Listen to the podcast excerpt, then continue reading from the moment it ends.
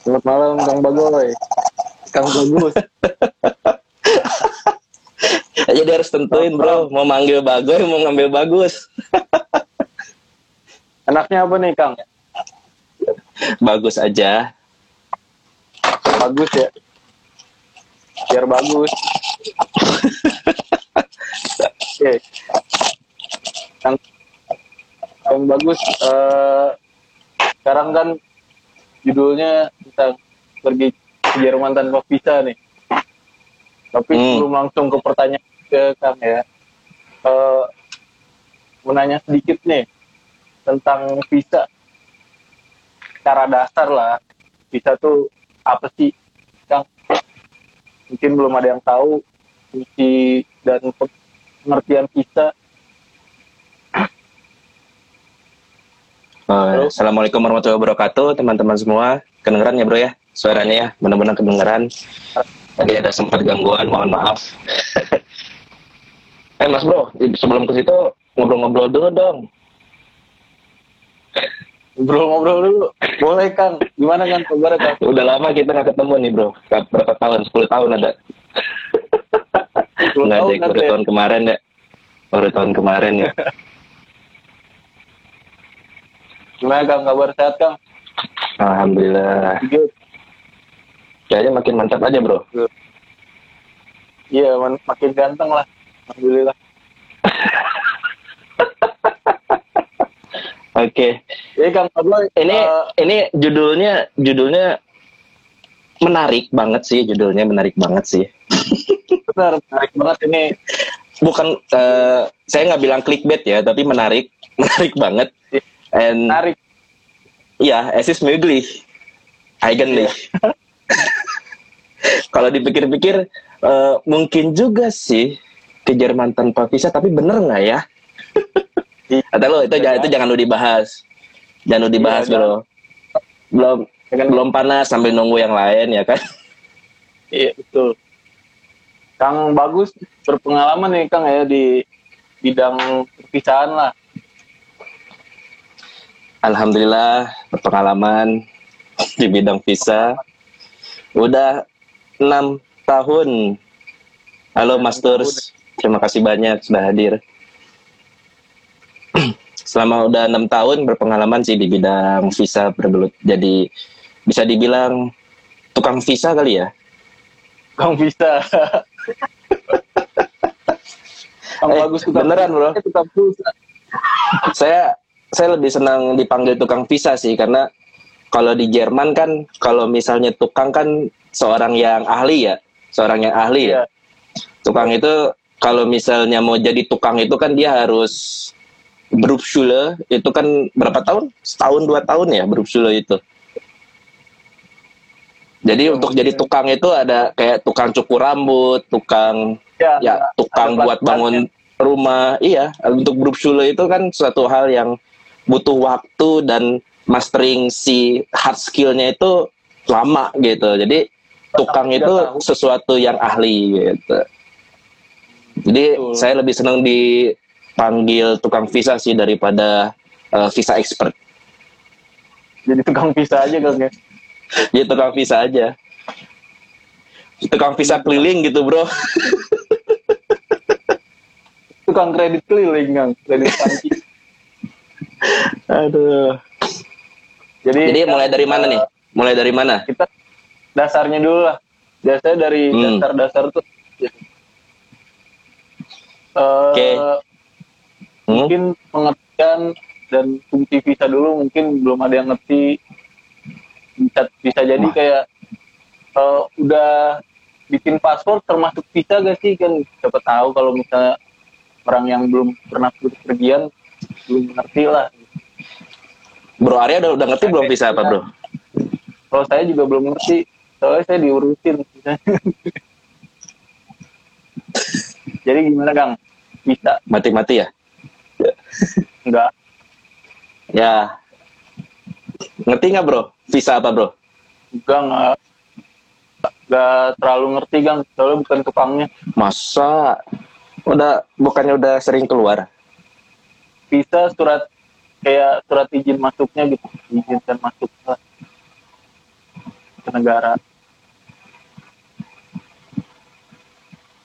Oke, dari connecting. Masih lancar nggak? Yuk, masih masih lancar lah, Ya. lancar lagi kak. Oke. Ah, tadi kan pertanyaannya kalau untuk visa rata-rata udah pada tahu ya visa itu untuk apa. Jadi nggak perlulah dijelasin secara secara definisi yang jelas visa itu kan kalau kita runut itu kan sebetulnya kan dari izin tinggal ya. Jadi ada izin tinggal. Terus kalau bicara izin tinggal itu kan pasti ada undang-undang izin tinggal. Ya, Ya. jadi ada izin tinggal. Nah, izin tinggal ini diatur di undang-undang izin tinggal atau bahasa Jermannya eh, ada Aufenthaltstitel, ada Aufenthaltsgesetz. Itu dua hal yang beda. Nah, jadi Aufenthaltstitel sama Aufenthaltsgesetz atau produknya lagi itu Aufenthaltserlaubnis. Eh, izin tinggal juga sih sebetulnya intinya kalau bahasa Indonesianya gitu. Nah, visum atau visa eh, das gehört dazu gitu. Jadi masuk ke ke dalam kategori izin tinggal Izin tinggal. gitu. Ya, jadi visa itu izin tinggal gitu. Dan kalau bicara izin tinggal, ini kan tiap negara beda-beda. Izin tinggal itu kan bicara tentang undang-undang keimigrasian. Eh, bahasa Jermannya berarti Ausländerrecht ya. Hak-hak untuk eh, warga negara asing untuk masuk ke suatu negara. Misalnya keimi- undang-undang keimigrasian negara Indonesia itu beda dengan undang-undang keimigrasian negara eh, kalau ini negara Jerman berarti ya kita ngomonginnya ya. Jerman ya. Ya, Jerman dan Indonesia itu berbeda. Cuman ma- yang jadi masalah adalah saya tidak terlalu mengerti undang-undang keimigrasian di Indonesia. Nah, teman-teman Boys Club yang lain itu kan lebih ahli tuh. Ada Reza, ada Krishna, itu yang memang bergelut di bidang sistem keimigrasian Indonesia. Mereka kan bekerja di eh, KBRI ya. Kan kalau saya justru lebih mengerti undang-undang keimigrasian atau Ausländer eh, Ausländerrecht untuk warga negara asing di Jerman. Gitu.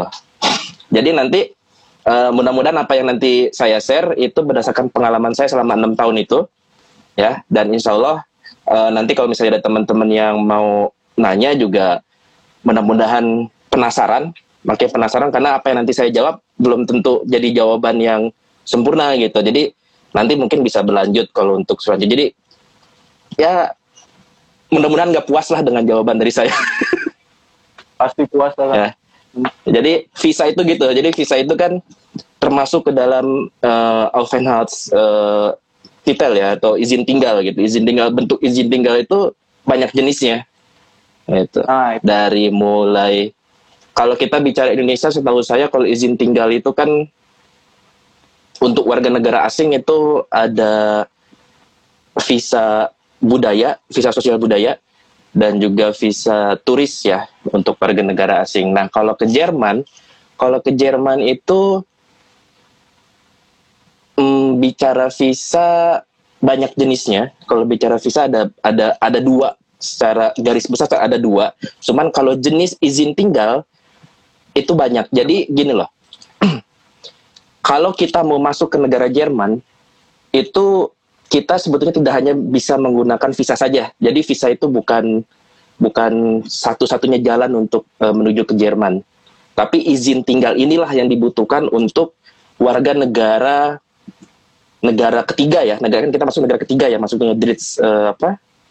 Dritz Staten gitu ya. Jadi kita negara ketiga untuk masuk ke Jerman itu perlu visa. Jadi semua negara ketiga itu butuh visa namanya. Tapi kalau yang di luar itu itu dia banyak bentuknya. Tahu istilah azul? Azui. Kurang tahu. Azul. Azui. Azul itu apa ya? Asylum bahasa Inggrisnya. Bahasa Indonesia apa ya? Eh, suaka, suaka, pencari suaka, pencari suaka. Iya, iya. Ah, pencari suaka. Nah, dia kan kalau misalnya masuk ke suatu negara dia nggak pakai visa biasanya. nggak? Tapi kayak eh, kayak dokumen dokumen masuk dokumen masuk izin gitu gitu. Jadi ada ada dokumen khusus untuk uh, Zul untuk para pencari suaka. Dia mereka masuknya bukan bentuknya visa tapi ya izin salah satu salah satu izin tinggal gitu produk izin tinggal. Nah kalau kita sekarang makin mengkerucut nih ya. Berarti kalau untuk Indonesia otomatis harus visa. Karena nggak bisa tuh kalau misalnya Bro Arya mau ke Jerman mau jadi pencari suaka nggak bisa. Nggak bisa. Sekarang kita Nggak bisa. negara ketiga itu kang maksudnya kang. Bukan, kalau pencari suaka itu untuk yang negaranya sedang dalam kondisi eh, berperang, dalam kondisi tertindas seperti eh, Palestina, Yaman, Hmm. Syria, eh, Irak, I- Irak ya termasuk kalau nggak salah ya, Irak. Iya. Pokoknya tiga negara itulah ya secara garis besar ya, makin banyak banyak negara di Afrika kan juga termasuk yang sedang dalam berperang. Jadi kalau kondisi negara berperang bisa tuh misalnya beralih mau mau apa namanya mau ke Jerman mau eh, cari suaka jadi negara warga negara Jerman nggak bisa bro. Siapa tahu gitu kan Lagi konflik. Indonesia konflik. Alhamdulillah. iya kan, gitu sih eh, tapi tadi visa tadi kan masuk ke Ya. apa jenisnya itu yang kalau jenis visa itu kan dua itu jenisnya apa kan Namanya. Ya kalau negara mana? Negara Jerman berarti ya. Kita ngomong bicara negara Jerman aja ya. Kalau negara Jerman secara garis, besar itu ada dua, ada dua ya. Yang pertama itu izin tinggal, eh, izin tinggal di bawah dari 90 hari. Dan untuk izin tinggal visa atau visa atau izin tinggal untuk di atas 90 hari. Nah, ini terkenalnya dua ini biasa disebut dengan visa Schengen dan juga visa nasional. Visa nasional ini atau biasa disebut visa izin tinggal ya. Visa nasional, visa izin tinggal itu sama aja. Eh, itu itu juga gitu. Tapi visa nasional dan visa eh, izin tinggal itu sama. Jadi ada dua jenis visa saja yang bisa diajukan oleh warga negara Indonesia ke Jerman. Secara secara intinya ya. Cuman kalau nanti kalau visa Schengen nanti ada tujuannya untuk apa, kemudian visa nasional nanti banyak tujuannya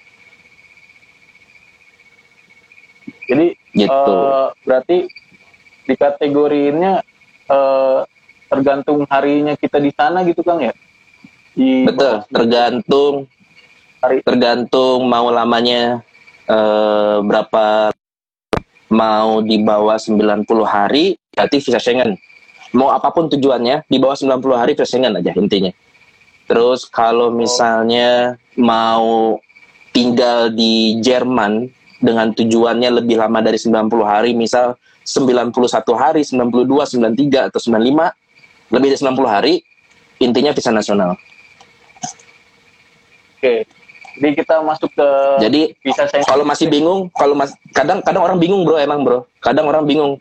Nih gua mau tujuan ke Jerman ini, gue mesti apply visa apa ya? Tuh orang banyak yang bingung. Nah intinya eh, dua visa ini lihat masa berlakunya. Ya berarti eh, untuk teman-teman yang ingin mengajukan visa ke Jerman eh, lihat dulu mau menetap di Jermannya berapa lama kan Kang? Yes. Jadi ada dua jenis itu yang di bawah 90 hari itu visa Schengen, di atas 90 hari visa nasional. gitu. Jadi yang buat yang bingung mau apa pun alasannya kalau di bawah 90 hari ambilnya visa Schengen. 90 hari ke atas visa nasional. Kita masuk ke Visa Schengen. dulu kan. Ya boleh. Nah itu kan visa Schengen itu di bawah 90 hari berarti Kang ya. Yes. Nah itu eh, syarat syarat ketentuan ya. buat kayak bikin visa Schengen tuh gimana sih Kang? visa Schengen. eh visa Schengen tahu, eh, maksudnya tahu visa Schengen itu apa? Iya visa yang di bawah 90 hari itu kan. Ya, jadi nanti dengan visa Schengen eh, kita bisa tinggal di bawah untuk 90 hari, tergantung dapatnya ya, tergantung berapa lamanya di untuk masuk ke 27 negara Schengen. nggak hanya Jerman. Jadi kalau kita dapat visa Schengen, kita bisa tinggal di negara Schengen untuk eh, maksimal 90 hari, nggak boleh lama. Boleh sih lama juga, tapi nanti paling dicari polisi gitu. Cara nanti kan tangkep. Ya. Jadi kadang orang orang itu bingungnya gini bro, kalau antara visa Schengen eh, itu ini negara Schengen dan negara Uni Eropa tuh beda. Oh beda lah. beda. Jadi ada kan kalau Uni Eropa, Uni Eropa itu kan eh, ada berapa negara Uni Eropa? 30 sekian ya, kalau nggak salah ya, 32, 30 berapa? Nah, sedangkan kalau negara Schengen itu cuma 27. Oh Nah, halo Mas Adit. Jadi malu ada orang kedutaan.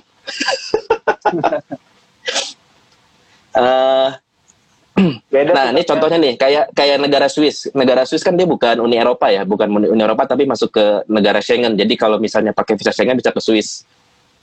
Itu. Beda Nah, kalau persyaratannya itu untuk masuk ke 27 negara tadi itu hampir sama, nggak ada bedanya sebetulnya karena di satu negara Schengen dia punya namanya eh, kayak eh, apa sih kesepakatan bersama antar negara Schengen. Jadi kayak urusan visa itu satu satu undang-undang gitu. Satu undang-undang jadi hampir sama semuanya. Cuman biasanya eh, saya mau bicara tentang sifat visa dulu ya. Biasanya sifat visa itu unik dan di, eh, dynamic. Jadi eh, unik dan dinamis. Uniknya kenapa? Itu dia tiap negara itu beda-beda.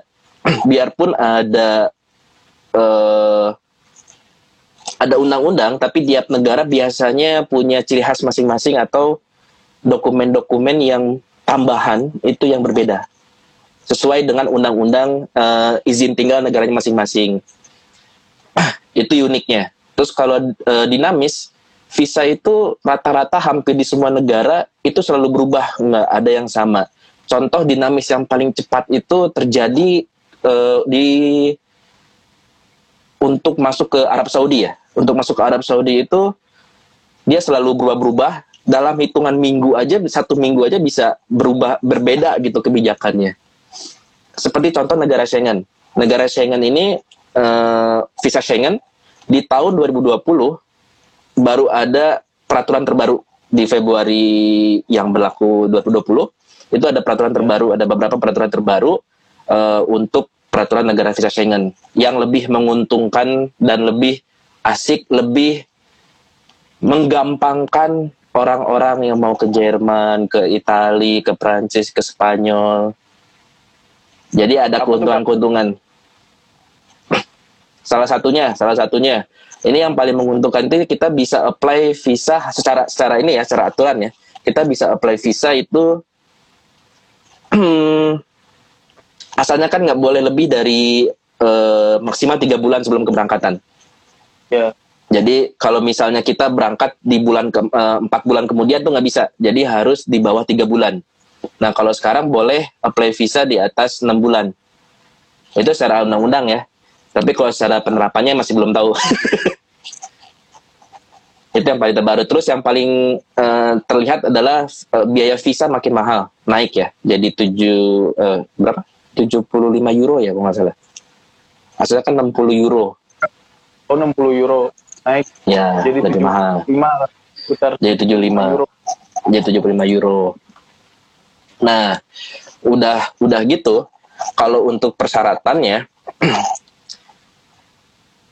hmm, kalau dari sudut pandang saya sih karena berkecimpung di dunia visa itu nggak terlalu sulit.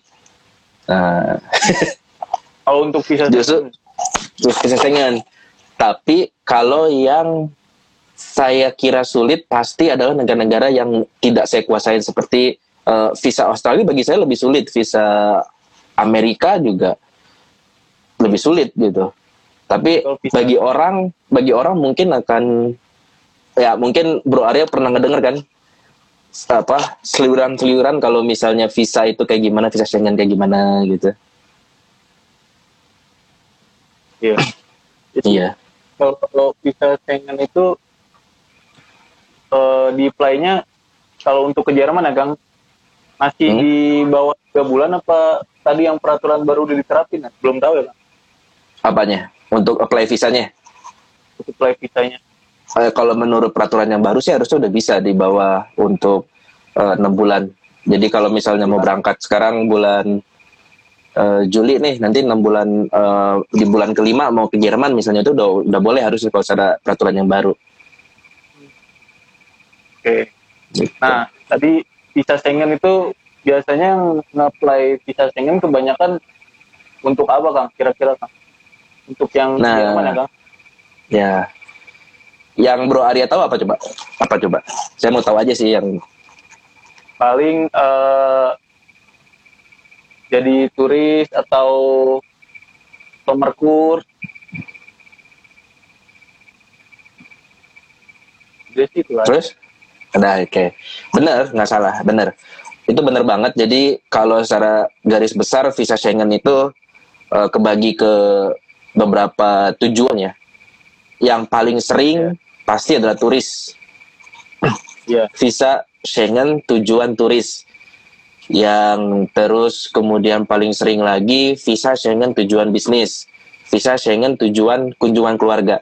Tiga itu biasanya yang paling besar ya tiga itu biasanya paling besar dan paling eh kebanyakan orang apply ya nah di luar itu kayak tadi Bro Arya bilang ya untuk summer course dan lain-lain itu masuk ke sebetulnya kategorinya bisa kategori eh, visit ya untuk kategori kunjungan masuknya Eh, sebetulnya ada kayak misalnya satu eh, tujuan lagi itu untuk pengobatan medisin Nah, itu kalau misal ke sana mau berobat eh, bisa eh, selain tiga itu berarti ada empat ya yang bisa sebutkan ya. Nah, yang summer course itu bisa jadi masuk ke kategori dan lain-lain gitu. Tapi biasanya kalau di visanya nanti dapatnya ya pasti bezuh gitu. Karena bukan turis. Jadi kadang orang bingung ya. Eh, mungkin kebanyakan kalau yang kursus ke Jermannya mau kursus bahasa Jerman, kok visa saya bezuh gitu kok bisa saya visit gitu. Kan saya maunya mau kursus bahasa. Nggak masalah gitu. Nggak masalah. Masih bisa digunakan visanya. Kang kalau misalnya kan tadi eh, visa Schengen tuh di bawah 90 hari. Tapi Hmm. kita, kita menetapnya cuma 30 hari. Nah itu Hmm. bakal dikasih izinnya 30 hari aja apa udah mentok 90 gitu? Eh, oke. Maksimal stay itu 90 hari. Di rata-rata itu peraturan peraturan di semua hampir semua negara ya. Kayak misal kita masuk ke Malaysia aja kita maksimum stay itu 90 hari ya. Eh, kita masuk ke Thailand juga sama. Nah eh, untuk visa Schengen itu maksimum stay itu 90 hari bukan berarti nanti kalau kita apply visa turis kita boleh 90 hari di sana karena tergantung kita dapat visanya berapa lama jadi ada maksimum stay dan ada eh, dower, dower des visums. Nah, ada berapa lamanya gitu. Jadi belum tentu dapat untuk 90 hari juga gitu. Misal mau turis, ya turis mau 10 hari bisa jadi dikasih cuman 10 hari atau bisa jadi eh, dua minggu atau bisa jadi kalau di beberapa negara Schengen lainnya kayak eh, Prancis, eh, Swiss, Itali, Spanyol itu biasanya bisa bisa dapat sekitar satu bulan atau 90 hari atau enam bulan malah. Tergantung juga tergantung eh, tergantung orangnya tergantung aplikan visanya. Jadi sesuai dengan tujuannya. Mau di sana satu hari pun ya dapat visa satu hari ya satu hari gitu dapat visa eh, tinggalnya. Jadi kalau ke sananya cuma dua hari dapat visanya eh cuma dua hari ya boleh cuma boleh dua hari gitu. Setelah itu harus cabut.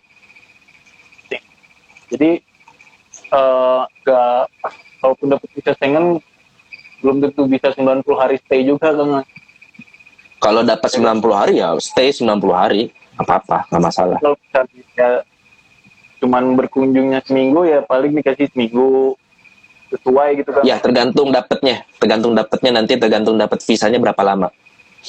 Nah untuk visa ini dokumen syarat dokumen yang paling penting lah kang apa sih kang ngajuin dokumen yang paling pentingnya lah misalnya yang harus gitu.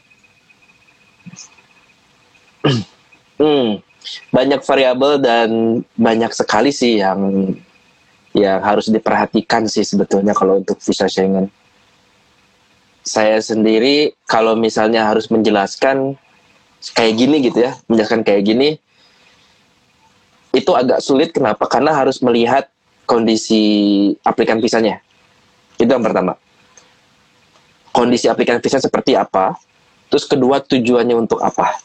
Dan ketiga mau apply ke negara mana? Mau apply ke negara Schengen yang mana nih? Misalnya mau apply ke kedutaan uh, Spanyol atau kedutaan uh, Prancis atau uh, Itali gitu. Hmm, Tergantung beda-beda. Uh, dapat visa Schengen belum tentu bisa 27 negara itu, Kang. 27 negara. Jadi gini. Oh, udah.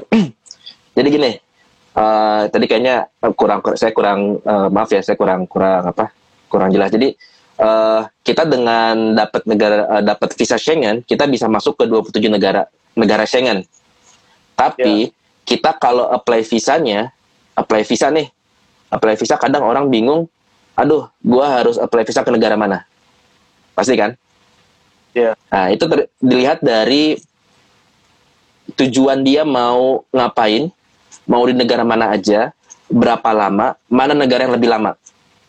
Katakanlah misalnya Bro Arya mau ke dua negara nih, misalnya nih, Spanyol sama uh, Swiss misalnya ya, Spanyol sama Swiss. Nanti dilihat mana yang lebih lama. Nah, yang nanti ada peraturannya, jadi dilihat uh, yang lebih lama di negara mana, nah itu apply-nya di situ. Hmm. Jadi misal lebih lama di turis nih misalnya, tapi lebih lama di Spanyol, ya apply ke Spanyol. Kalau turis uh, muter-muter ke lima negara, Prancis, Jerman, Belanda, Italia, Swiss, lihat yang paling lama yang mana. Jadi kalau misalnya nanti paling lama di negara Prancis ya apply ke kedutaan besar Prancis di uh, Jakarta gitu. Uh, ngerti ngerti gak ngerti. Jadi uh, kalau ya lama di Jerman ya apply-nya ke kedubes Jerman ya kan? Ya, visa Schengen. Nah, nanti kalau apply ke, ke, ke Jerman, nanti dapat visa Schengen-nya dari dari dari negara Jerman, dari kedutaan Jerman gitu. Nanti atau lebih lama dari negara Prancis dapat visa Schengen, tapi dari negara Prancis. Nanti ada kodenya di atasnya biasanya beda-beda. Tergantung dari negaranya apply dari mana. Oke, sekarang masuk ke visa yang satu lagi nih kak. Visa, visa nasional. Nah, visa nasional. Visa nasional bisa panjang bro. Panjang kan ya? Berarti, panjang bro. Uh, apa ya? Uh, untuk orang-orang ah, ini aja deh. student ya? Studi gitu. Student aja. Studi ya? Yang paling banyak studi ya? Soalnya kalau misalnya uh, nanti mungkin ada teman-teman yang mau nanya itu lebih lebih spesifik lah boleh. Tapi kalau misalnya visa nasional ngejelasin tuh banyak banget bro jenisnya. Uh, ya Nah, ini ini cuman cuman contoh aja ya. Jadi untuk semua keperluan tinggal di negara Jerman tuh hampir ada sih. Bahkan yang saya sampai kaget aja ini salah satu izin tinggal untuk maaf ya untuk prostitusi. Hmm. Jadi tenaga prostitusi gitu. oh ada juga. Ada juga kaget gitu. Ada secara undang-undang ada tapi di orang Indonesia nggak ada apply itu. mungkin ya saya nggak tahu ya. Tapi mungkin di negara-negara lain ada mungkin ya. Dan saya kaget pas yeah. baca undang-undangnya oh ternyata ada secara undang-undang gitu. Jadi nggak masalah. Uh, yang jelas kalau di Indonesia kalau misalnya kita lihat websitenya Auswärtiges Amt uh, websitenya Kemlu Jerman ya itu bisa kelihatan dari mulai statistiknya. Itu ada statistik dari tiap tahunnya. Uh, memang salah satu Indonesia itu kalau dilihat dari situ kalau nggak salah termasuk 10 besar ya studentnya ya. Jadi rata-rata orang Indo uh, Jerman tuh masih ya seperti yang artikel atau uh, postingan Instagram di Boys Club kan yang kita kolaps juga. Itu kan salah satunya uh, Jerman itu masih menjadi tujuan yang diidam-idamkan oleh orang Indonesia. Karena tahu nggak karena kenapa? Karena ada satu sosok besar di situ. Pasti setiap orang ke Jerman kenapa ke Jerman pengen seperti bapak almarhum B.J. Habibie iya yeah, betul seperti Jadi Iya. kita bicara visa student. Nah, kalau bicara visa student, otomatis nanti juga dari dari satu visa student aja nih, visa studi ya. Ini bisa bisa ngerembet ke beberapa jenis visa. Hmm, Visa studi ngerembet ke beberapa jenis visa. Ada ada tapi kalau secara garis besar sih eh ada dua jenis visa sih sebetulnya kalau secara garis besar ya yang bisa diajukan visanya. kalau yang biasa diajukan itu visa studi untuk tujuan studi yang benar-benar udah keterima, udah cuglasen, udah eh, admitted, udah dapat admission letter ya, Eh, atau LOA biasanya letter of admission, sama untuk eh, persiapan studi. Toilet. Di toilet Gitu bro. Putus-putus bro suaranya bro. student toilet ya, Iya, student college maksudnya persiapan studi. ya persiapan studi. Oke, eh, berarti di dari eh, orang Indonesia tuh paling banyak eh, yang di atas 90 hari itu ngeplay-nya studi Kang ya. Kalau menurut statistik di websitenya Kemlu Jerman sih, iya. Salah sa- eh, enggak juga sih. Ada satu jenis visa yang lebih banyak sih per tahun 2019 20. Apa itu Kang? Ya tahu sendirilah yang, yang sedang menjamur saat ini. Yaudah. Ausbildung betul. Lihat aja tadi kan ada kok di statistik di kedutaan Jerman eh di kedutaan Jerman di auswärtiges.am.de itu kedutaan eh, Kemlu Jerman, Kemlu Jerman. Main lu website Jerman, ya? resminya website resminya Oke, nih Kang, eh, sekarang kita masuk ke sekarang kan nih kayak lagi ada bukan kaya sih, emang lagi lagi ada pandemi, pandemi COVID-19. Nah, di- masih bisa gak sih Kang nge-apply visa buat ke Jerman atau ada penambahan syarat kah? Karena situasi lagi pandemi gini. kalau saya bilang sih kalau untuk apply visa ke negara visa nasional berarti ya visa nasional dan visa Schengen saat ini itu bisa dicek ke masing-masing kedutaan website kedutaan besarnya masing-masing.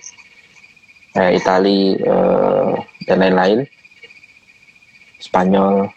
Dan kalau untuk Jerman sendiri tapi kalau secara keseluruhan eh, secara Uni Eropa kemarin kan sudah mengeluarkan peraturan terbaru. Itu dia diangkat ya untuk Einreisebeschränkungnya eh, apa uh, Einreisegesperrtnya itu eh, udah diangkat tapi masih ada pembatasan jadi belum sepenuhnya diangkat gitu untuk eh, penutupannya. Masih bisa apply visa tapi terbat sangat terbatas. Mungkin ya saya nggak tahu. Tapi kalau menurut eh, press release-nya Uni Eropa sih emang sudah diangkat harusnya. Dan kalau saya cek di salah satu kedutaan ya, kedutaan Jerman ya saya cek eh, itu udah bisa apply visa sih harusnya. Tapi hanya untuk kategori-kategori tertentu gitu jadi masih belum terbuka secara bebas seperti sebelumnya masih terbatas Mungkin eh, penting lah Kang ya kayak jalanan bisnis mungkin ya Kang. Jadi untuk yang notwendig yang benar-benar Enrace harus harus gitu ya. Ya. Harus kayak misalnya eh, ada sih listnya sih di kedutaan Jerman itu bisa dilihat Eh, kayak misalnya eh Gesundheitspersonal ya tenaga medis ya, tenaga medis terus eh, apa lagi ya? Eh, ada untuk familien eh, Nahcuk ya kalau nggak salah ada untuk kumpul keluarga itu atau untuk eh, kayak i- pegawai apa tenaga ahli IT IT gitu deh. Tapi kalau untuk student eh, sayangnya kalau nggak salah saya kemarin ngecek sih kayaknya masih belum boleh ya kalau kata websitenya ya. Eh, boleh tapi terbatas banget. Yang benar-benar udah benar-benar cugelasen dan bisa membuktikan kalau nggak salah eh, harus bisa bela- harus apa? Harus datang ke negaranya gitu harus datang ke negara Jerman. Jadi eh, untuk yang kayak misalnya eh, yang baru baru pengen studi di Jerman gitu masih belum bisa kan ya. Di sulit lah untuk ngeplay visanya kecuali yang udah Studi, misalnya udah, stu- stu- studinya apa dulu? Studinya kalau studi udah keterima, udah keterima ya, bukan bukan aufnahme tes atau tes masuk stutkol, tapi yang udah benar-benar keterima di kayak biasanya biasanya anak master sih banyaknya kalau udah keterima sih kalau anak S1 jarang ya biasanya. Yang kalau anak master, anak-anak eh, dokter program eh, ya harus ada ekstra dokumen dan itu disebutkan sih di kedutaan Jermannya kalau nggak salah ya ada kayak harus membuktikan bahwa dia memang benar-benar mau studi dan studinya itu harus datang gitu. Nah kan kalau nggak salah di Jerman sendiri kan masih Fernstudium gitu ya kalau nggak salah ya. mungkin dari ini kali ya surat dari unitnya langsung gitu kan ya Mungkin Kalau- termasuk Bersetigung kayak gitu masuk pernyataan ya. berarti mungkin eh, untuk situasi sekarang untuk pengajuan visa eh, masih agak terbatas ya. Apalagi untuk yang ingin pergi berlibur ke Jerman gitu masih belum bisa kan ya. Jangan dulu lah masih begini. Tapi masih begitu tapi sih kemungkinan akan ada revenge turis revenge tourism. Jadi rebound salah satu as, eh, apa? Bagian bisnis yang akan rebound tercepat kayaknya bagian travel sih kayaknya turis sekarang kita masuk ke sesi pertanyaan aja nih kang. Ya boleh. Nih dari Ed wah banyak sih kang. Dari R Radityan. Kak kalau misalkan kita pakai visa kunjungan terus tuh terus setelah di sana ada niatan untuk studi atau kerja bisa gak sih pakai visa untuk wisata? Visa untuk kunjungan doang? Jadi visa visa kunjungan untuk untuk wisata ini untuk wisata kayaknya sih kunjungan misalnya kita berwisata gitu hmm? tapi pengen Tap- ada niatan untuk studi atau kerja bisa gak sih Eh, itu niatnya udah udah jelek banget sih kayaknya. ya, secara prinsip bisa aja kalau mau di sana. Ya, cuman gini loh, ada istilah visa shopping ya. visa shopping itu bukan belanja visa ya, tapi eh, as visa shopping itu jadi menyalahgunakan eh, bukan menyalahgunakan. Pokoknya apply visa, yang penting dapat visa mau ngapain gue di sana pokoknya bodo amat gitu. Nah itu visa shopping misalnya saya mau turis nih misalnya nih turisnya misalnya mau ke negara Itali misalnya. Tapi saya lihat ah ini negara Spanyol lebih gampang nih dapat visanya nih apply ah ke negara Spanyol gitu. Dapatnya dari negara Spanyol visanya nih. Nah ternyata tapi saya nggak nggak ke Spanyol sama sekali misalnya. Nah itu termasuk visa shopping. Ya, itu jadi menyalahgunakan visa kalau di sana misalnya ke Jerman pakai visa turis atau visa yang jenisnya visa Schengen itu tidak boleh bekerja. tuh Visa Schengen nggak boleh bekerja. Intinya gitu ya, Jadi- nggak. Tapi gini sih, sebetulnya eh, banyak juga mungkin ya yang menggunakan visa Schengen ke sana mungkin untuk eh, bekerja. Mungkin saya nggak tahu ya dan eh nggak saya jadi ingat masa lalu soalnya saya juga yang termasuk menyalahgunakan visa salah satu salah satu ya kan DAD stipendiat ya eh, ada dapat dari DAD di sana tapi nggak kerja secara resmi tapi ya bantu-bantu aja sih gitu. Tapi kan dapat dapat uang gitu. Biasanya kalau student di Jerman itu kan dia suka ganti suka eh, mese ya mese eh, mese itu apa? Pameran ya pameran. Suka banyak pameran tuh. Nah student tuh sering kerjanya di tempat-tempat pameran yang event-event aja gitu yang untuk satu hari gitu ya? Event-event aja. Ya ya Berarti bukan kerja misalnya- kerja sampingan bukan ya. Bukan kerja sampingan kayak kerja di restoran atau biasanya kalau student banyaknya kerja sampingan tuh kerja di pabrik biasanya ya setahu saya ya. Eh, nggak nggak nggak itu tapi kayak kerja nggak- ya ngebantuin lah ya. Tapi ya dapat uang dari situ. Yang masuknya kerja Iya. juga. Tapi kalau kerja secara resmi nanti biasanya si pemberi kerjanya dia akan lihat jenis visa kita mereka tahu biasa kalau visa Schengen nggak bisa dipakai kerja. Nah, ini visa Schengen lagi nih. Visa Schengen bisa dipakai kerja tapi memerlukan dokumen-dokumen tambahan. Jadi nanti di visa Schengennya ada tam, ada tambahan lagi uh, itu khusus untuk bekerja gitu. Jadi visa Schengen bisa bisa bekerja tapi ya it, itu mah jarang lah gitu visa Schengen untuk bekerja gitu. Di sana rata-rata untuk bisnis kalau ke sana, bukan untuk kerja. Gantung ngajuinnya juga untuk apa kan, Kang? Jangan iya. uh, berbelok tujuannya jangan berbelok gitu. Dapatnya untuk liburan ya dipakai liburan gitu kan Kang ya? Iya. Sesuai tujuan aja lah. Uh, ke pertanyaan selanjutnya Kang ya. Bendir underscore underscore kalau visa Schengen itu kan kesepakatan kerjasama perihal izin tinggal dari negara Schengen. Misal saya Belanda mau ke Jerman, itu dan stay di Jerman lebih dari seminggu bisa atau ada batas waktu? Semisal saya Belanda, orang orang Belanda berarti ya? Iya. Yeah. Orang Belanda ya berarti ya?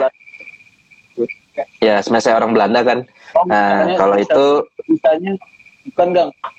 Misal saya uh, ngeplay visanya tuh di Belanda, negara uh, kedutaan Belanda gitu. Tapi mau ke Jerman dan stay di Jerman lebih dari seminggu bisa kalau ada batas waktu. Bukan bro, itu kayaknya semisal saya Belanda, orang Belanda maksudnya. Ya. Enggak, ini. Itu enggak? Salah, salah. Misal misalnya nih Kang, ngeplay visanya kan visa Schengen tuh kan bisa ke 27 negara.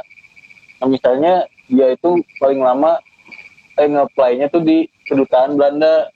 Tapi mau ke Jerman dan stay di Jerman lebih dari seminggu. Tergantung nah, itu tadi tergantung tergantung dari uh, tergantung dari dauer des visumnya. Dapat berapa lama untuk visanya.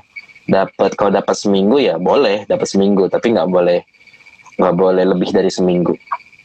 Bisa ya, lebih dari kan seminggu gitu. boleh boleh aja sih. Tapi ilegal. Ini kan um, misalnya dapat izin tinggal visa Schengennya itu dua minggu misalnya seminggu di hmm? hari eh seminggu di Belanda seminggu di Jerman itu bisa kan kan bisa bisa nanti dilihat dari first entry-nya kalau gitu kalau sama harinya jadi kalau sama harinya lima hari Jerman lima hari Belanda nanti lihat first entry-nya di negara mana landing pesawatnya. Karena nanti di situ landing pesawat pertama dia akan masuk ke uh, bea cukai lagi imigrasi pertama tuh di negara itu gitu. Yep. Tapi biasanya kalau setahu saya sih kalau di Jerman, kalau di Jerman nih misalnya nih, uh, biarpun transit pesawatnya ke negara Schengen lainnya, itu bisa dia lewat imigrasi. Kalau untuk negara Schengen ya.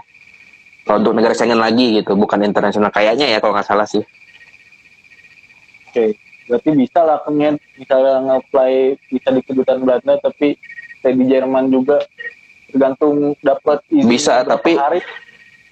tapi asal kalau kalau kayak gitu salah sih sebetulnya kalau ini kalau dia misalnya mau ke Belanda ini kasus yang ini ya uh, kalau misalnya dia ke Belanda tapi apply ke uh, misalnya saya ke Belanda mau ke Jerman itu stay di Jerman Coba lebih diperjelas deh. Belum Kurang ini bro, pertanyaannya bro. Kayaknya udah deh kang. Udah, udah kejawab ya mudah-mudahan penasaran ya. ya. Lanjut aja ya. Ya, so. Uh, mungkin ini sampai lima aja ya kang ya. Lima. Boleh. Jadi dari uh, tiga pertanyaan lagi dari Eka Raksa, Super Yoga dan Afridianta. Yang bagus kan dari Eka Raksa dulu yang, yang bagus kan untuk visa Schengen tujuan kunjungan keluarga ada persyaratan rekening korat. Nah jumlah konkret uang yang harus ada di konto berapa untuk kunjungan 2 sampai 3 minggu? Ya, berarti harus dilihat tadi kan udah dijelasin ya. Berarti uh, Eka udah Kak Eka udah ngejelasin mau berapa lama di sana ya. Nah, itu betul. Jadi harus dilihat dulu mau berapa lama di sananya dan yang kedua itu ada miskonsepsi sih di ada salah kaprah tentang uh, rekening uang tersebut gitu. Jadi sebetulnya uh, harus ada berapa di rekening untuk apply visa Schengen itu nggak gitu gitu pertanyaannya. Tapi biasanya untuk kenapa harus tiga bulan? Nanti kita dilihat dilihat dilihat uh, apa namanya selama tiga bulan itu kayak gimana gitu. Jadi kalau misalnya pun uh, misal rekening kosong ya misalnya rekening kosong terus pas mau keberangkat ke apply visa ke negara mana pun gitu ya ke kedutaan besar mana pun apply visa terus tiba-tiba jebret duit masuk gitu misalnya 50 juta gitu. Itu jelek gitu. Jadi nanti akan dilihat tiga, tiga bulan tuh uh, apa namanya fluktuatifnya kayak gimana apakah ada penurunan penaikan nanti dilihat gitu. Dan kalau ada transaksi-transaksi mencurigakan ya bisa berbahaya untuk aplikasi visanya. Jadi, jadi di awal uh, itu, ngitungnya itu gini loh. kalau turis, kalau turis sih biasa kan, uh, jumlah ya kita bicara dengan jumlah ya. Jadi uh, dilihat secara tiga bulan ke belakang bukan berarti oh oke okay tiga bulan belakang bagus. Terus tiba-tiba pas apply visa yang paling akhirnya saldonya cuman misal mau seminggu tapi saldo cuma lima ribu misalnya. Nah, itu masalah juga bro. Jadi oh. selama tiga bulan harus bagus. selama tiga bulan dia harus bagus. Dan jumlah yang uh, saldonya juga harus bagus dan harus jadi intinya gini kita harus membuktikan bahwa kita mempunyai dana yang cukup untuk mengcover uh, kehidupan. apa ting biaya tinggal kita di sana gitu. Jadi nggak ada jumlah pastinya. Tapi kalau mau hitung hitungan kasar boleh. Kalau hitungan kasar kayak misalnya katakanlah turis ya kalau turis misal sehari e, ngabisin sekitar 60 sampai 70 euro. Nah, tinggal kali dah. Mau 10 hari berarti e, 6 700 euroan gitu kan untuk untuk 10 hari 600 atau 700 euro. E, tapi nggak nggak nggak harus 700 euro juga misal uh, di rekening untuk 10 hari uh, 10 juta itu kan pas-pasan banget ya bisa dibilang pas-pasan banget sih kalau itu Nanti kan dilihat dari tiga bulan ke belakang seperti apa, terus apakah tiketnya sudah dibeli atau belum, uh, hotel bookingnya sudah dibeli atau belum. Nah kalau untuk uh, ini kasusnya kunjungan bezuh. Nah kalau bezuh dia lebih biasanya lebih lebih rendah biayanya karena nanti kan akan tinggal di yang ngundang. Yang ngundang itu kan berarti uh, Kang Eka ya, Kang Eka mungkin ngitungnya bisa 30 40 gitu. 30 40 euro satu hari dikali berapa lama kali berapa lama tinggal. 10 hari berarti 300 euro seenggaknya harus ada di tabungan. Itu paling minimal banget sih. Cuman kalau 300 euro kayaknya juga untuk apply visa 10 hari 300 euro berarti sekitar berapa? 4 juta 5 jutaan ya? Iya 300 euro sekitar iya ya, 5, 5 jutaan. 4 juta 5 juta. Uh, nggak bisa aja mungkin ya tapi terlalu mepet lah gitu istilahnya terlalu pas kalau saya bilang sih gitu sih. Terlalu pas sih kalau segitu. Jadi yang harus diperhatikan satu uh, fluktuatif sama selama untuk tiga bulan itu kayak gimana dan kedua jumlah akhirnya. Dan ketiga itu harus hitung kebutuhan perharinya ngabisin berapa puluh euro. Ya tadi saya bilang hitungan kasar ya ini hitungan kasar 60 sampai 70 euro untuk turis mungkin visit bisa 30 atau 40 euro. Untuk satu hari kali berapa lama dia tinggal itu kalau untuk uh, masalah uang tabungan rekening koran. Jadi ada hitungannya Kang ya, hitungan kasar yes. lah ya. Yes. Jadi kalau misalnya 30 per hari, tadi kan kunjungannya misalnya 3 minggu, ya kaliin aja berapa gitu ya. Oke, lanjut Kang, pertanyaan selanjutnya. Dari Hyper Yoga, namanya apa kalau seperti tekanan politik yang nggak bisa keluar negeri, apa kedutaan punya database-nya. Ah, apa apa apa? Kalau seperti tahanan politik yang nggak bisa keluar negeri, apa kedutaan punya database-nya?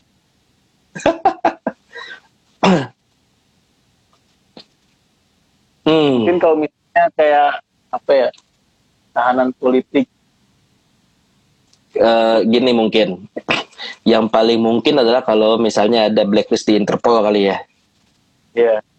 Nggak mungkin aja sih kayaknya ya saya nggak tahu sih. ada ada aja. tapi tapi yang jelas gini aja sih bro bisa bro ada pernah tinggal di Jerman nih Iya. terus pernah melakukan tindak kriminal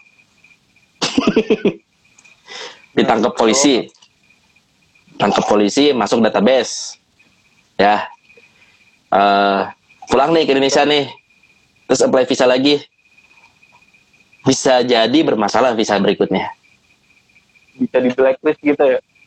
ya termasuk denda ya termasuk denda kayak misalnya eh, denda masalah-masalah kayak masalah vonung masalah apa tabungan-tabungan kayak gitu kayaknya termasuk deh.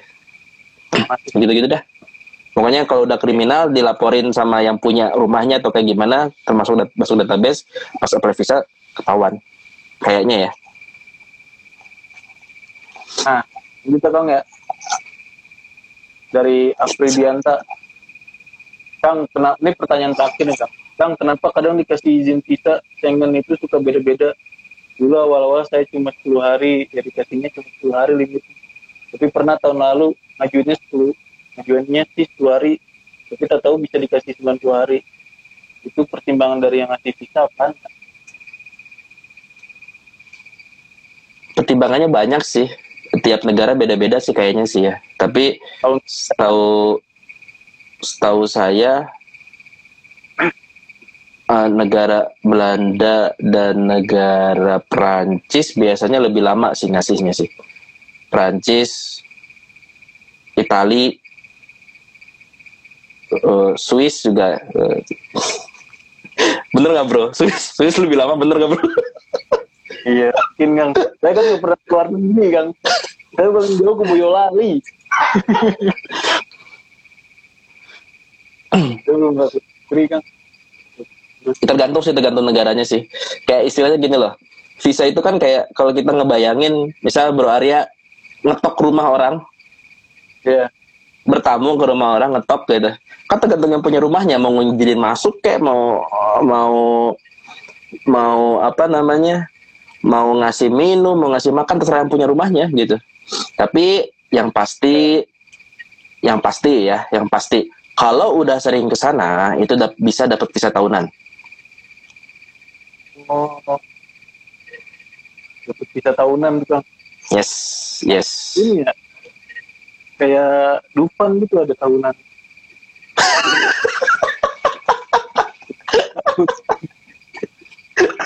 ya sama gitu annual pass annual annual itu ya. Annual subscription. Jadi emang berarti tergantung tangannya banyak dan ya ter, gimana dari kedutaannya kan mau ngasih berapa? Iya.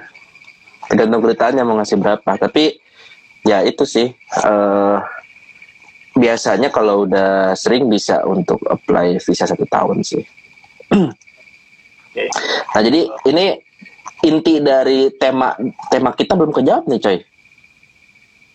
Nanti Kang. Mungkin, eh, mungkin kita tanya ke netizen dulu nih pada kepo gak pergi ke Jerman tanpa visa. Mungkin harus jadi tiga negara Syria dulu baru bisa kayaknya kan Eh, negara suaka harus jadi pencari suaka harus jadi warga negara Syria dulu enggak. Intinya gini. Tapi kan kalau warga negara Indonesia Ya, jadi- pertanyaannya gini. Bisa nggak pergi ke Jerman tanpa izin tinggal mungkin gitu ya? Iya. Nggak mungkin Bisa sih kalau tanpa izin tinggal. Kalau tanpa visa mungkin. Oh mungkin kalau tanpa visa mungkin. Jadi ada bisa. ya, eh, bisa. Eh, kenapa bisa kalau untuk warga negara EU atau negara Uni Eropa itu ada namanya uh, Freizügigkeit tapi kalau untuk orang Fred Segi- Indonesia kan? Uh, tar dulu. Satu-satu. Kalau Freizügigkeit berarti untuk orang EU dia bisa bergerak di negara mana aja selama di EU bebas mau mau tinggal di negara mana aja. Itu diatur di hak-hak negara uh, Uni Eropanya di undang-undang Freizügigkeitnya kalau untuk orang Indonesia bisa aja. Mungkin ada satu orang yang bisa.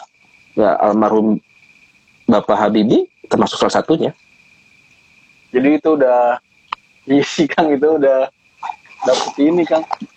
Jadi apa yang telah Anda berikan ke negara Jerman sehingga dapat apa Iya. istilahnya kayak honorar honorar Staatsangehörige kali ya? Atau enggak juga sih. Ya, tapi pokoknya bebas dah pokoknya. Kalau misalnya ngeliat berita ya berita di Indonesia kan pernah diberitakan tuh bahwa eh, ya dapat kayak semacam warga negara kehormatan tapi ditolak atau kayak gimana ya saya kurang ngerti kurang ngerti deh. Tapi yang jelas kalau Bapak B.J. Habibie salah satu orang kehormatan di negara Jerman. dapat annual pass gitu. Annual pass. jadi ya bebas tapi kalau misalnya orang kayak saya kan orang biasa yang pinggiran gitu bisa gak? Hmm, nggak bisa sih. Kalau untuk negara ketiga nggak bisa. Nggak saya kalau beli tiket pesawat mah bisa kan? Eh, sorry, untuk negara ketiga bisa. Itu buktinya Bapak Habibie kan ya, almarhum. iya tapi kan Pak, Pak Habibie berpengaruh di Jerman kok saya belum aja Harus belum berpengaruh dulu, coy. Harus berpengaruh dulu, baru nanti you kasih apa, I kasih you. kalau presiden butuh gak sih Kang? Pak Jokowi presiden butuh, butuh juga butuh presiden.